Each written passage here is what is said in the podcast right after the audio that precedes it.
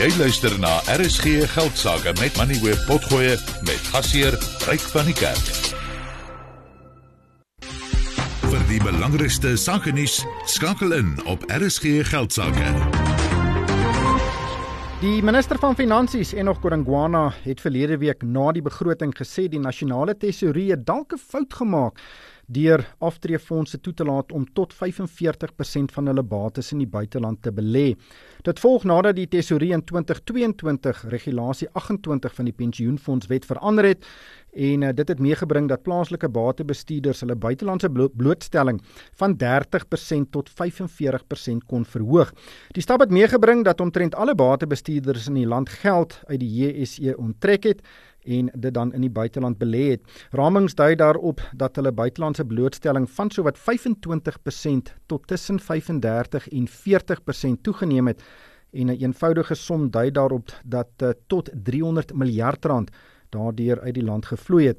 Duncan Pieterse is die uh, direkteur-generaal van die Tesourier en hy het gesê die regering het hom in die voet geskiet omdat daar nou minder geld beskikbaar is om plaaslike infrastruktuurprojekte te finansier en dat dit ook 'n negatiewe impak op die JSE en die effekte mark gehad het. Hy het uh, egter bygevoeg dat dit moeilik sal wees om die regulasies weer te verander om buitelandse blootstelling te verminder. Jaco van Tonder is die hoof van adviesdienste by 91. Jaco, baie welkom by die program. Wat dink jy van die omvang en die spoed waarteen batebestuurders geld na die buiteland geskuif het?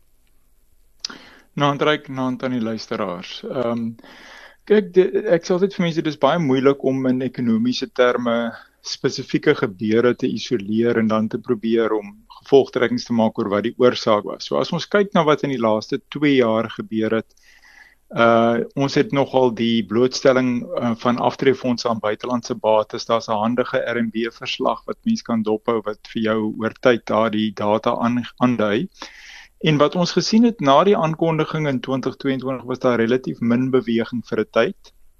En toe ehm um, soos wat die ekonomie dink ek begin swaarder kry en die beurs 'n uh, swakker prestasie begin lewer het plaaslik en meer buitelandse geleenthede hulle self voorgedoen het, het ons gesien dat die pensioenfonde stadig maar seker hulle blootstelling aan buitelandse bates verhoog het.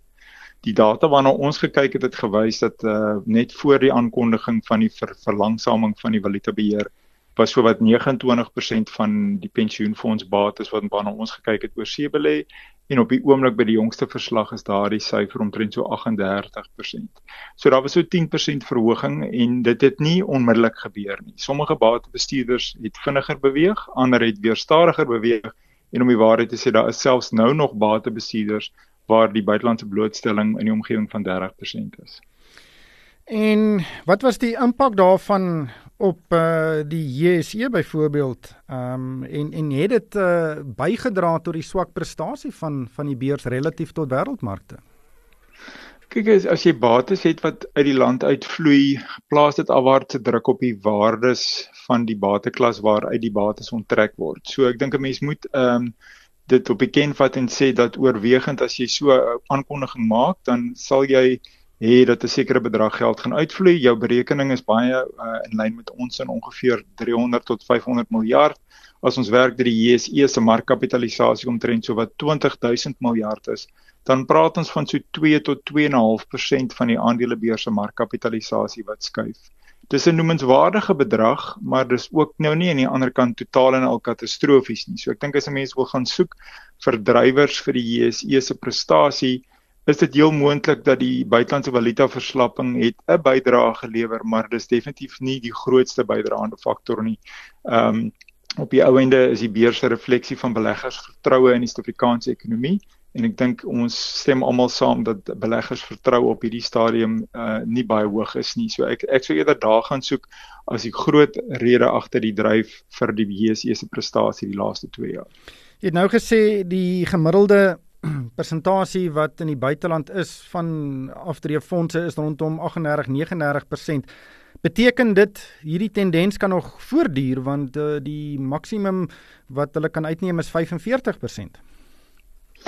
In teorie is dit moontlik dat jy by 45 gaan uitkom en dan beteken dit elke batebestuurder is by 45 en ek dink in die verlede het ons gesien dat die Suid-Afrikaanse bedryf uh, het genoeg verskillende opinies op batebestuursvlak dat dit kan gebeur, maar dis nie baie waarskynlik nie. Daar sal bestuurders wees wat plaaslike geleenthede raak sien wat die plaaslike ekonomie wil ondersteun en van daardie aftreefondse sal heel moontlik op 'n permanente basis laer bly as die maksimum van 45. So in teorie is dit moontlik, in die praktyk dink ek het ons die grootste gedeelte van die skuif reeds gesien. Die dit is nogal interessant dat die tesourier dit erken het dat hulle dink hulle dalk 'n fout gemaak. Nou in Suid-Afrika kan enigiets gebeur. Ehm um, en hoewel die uh direkteur-generaal uh Duncan Petersen nou gesê het dat dit baie moeilik gaan wees om hierdie regulasie nou weer te verander om die buitelandse blootstelling perk van 45% te verlaag kan seker enigiets gebeur. Uh wat dink jy sal gebeur indien daar nou uh, 'n nuwe regulasie uitkom wat daai persentasie verminder? Uh ryk ons ons posisie is dat dat dat buitelandse valuta ehm um, is 'n baie belangrike internasionale bestuursmaatstaf wat die regering het uh, en dis 'n beleidsinstrument wat baie versigtig bestuur moet word. Want dit gaan oor baie meer as net wat is die vlak van valuta beheer wat die regering op 'n sekere oomblik toepas. Dit gaan oor die verwagting van die mark oor die traject van daai beleidsinstrument oor tyd. Nou in Suid-Afrika is ons sedert die laat 1990s vroeë 2000s op 'n valuta beheer uh beleid uh, roete van uh, stadige verlangsaming van valuta beheer. En dit is 'n baie belangrike vertrouens uh, gedeelte vir buitelandse beleggers en ook vir Suid-Afrikaanse beleggers. Dit ehm um, haal 'n groot klomp kommer oor kan ek in die toekoms my geld weer kry as ek in Suid-Afrika belê het. Dit haal daardie kommer uit die vergelyking uit. Nou wanneer jy aan hierdie beleidsinstrument begin torring en jy sê maar luister, dalk het ons nou 'n fout gemaak of dalk vir watter rede ook al wil ons tydelik daardie valuta beheer maatreël uh, weer verstyf of of versterk, dan klink dit miskien soos iets wat mense maklik kan doen, maar die impak daarvan op die lang, op die langtermyn vertroue van beleggers is fenomenaal. Ons daar sal 'n relatiewe negatiewe reaksie, hoe groot kan ek nie sê nie, maar ek dink ons vrees is dit kan groter wees as die probleem wat ons nou probeer aanspreek deur die valuta beheer te verskerp. Ja, ek dink ek stem saam met jou, dit gaan 'n groot gemors wees as dit gebeur. Ons dit daarmee los.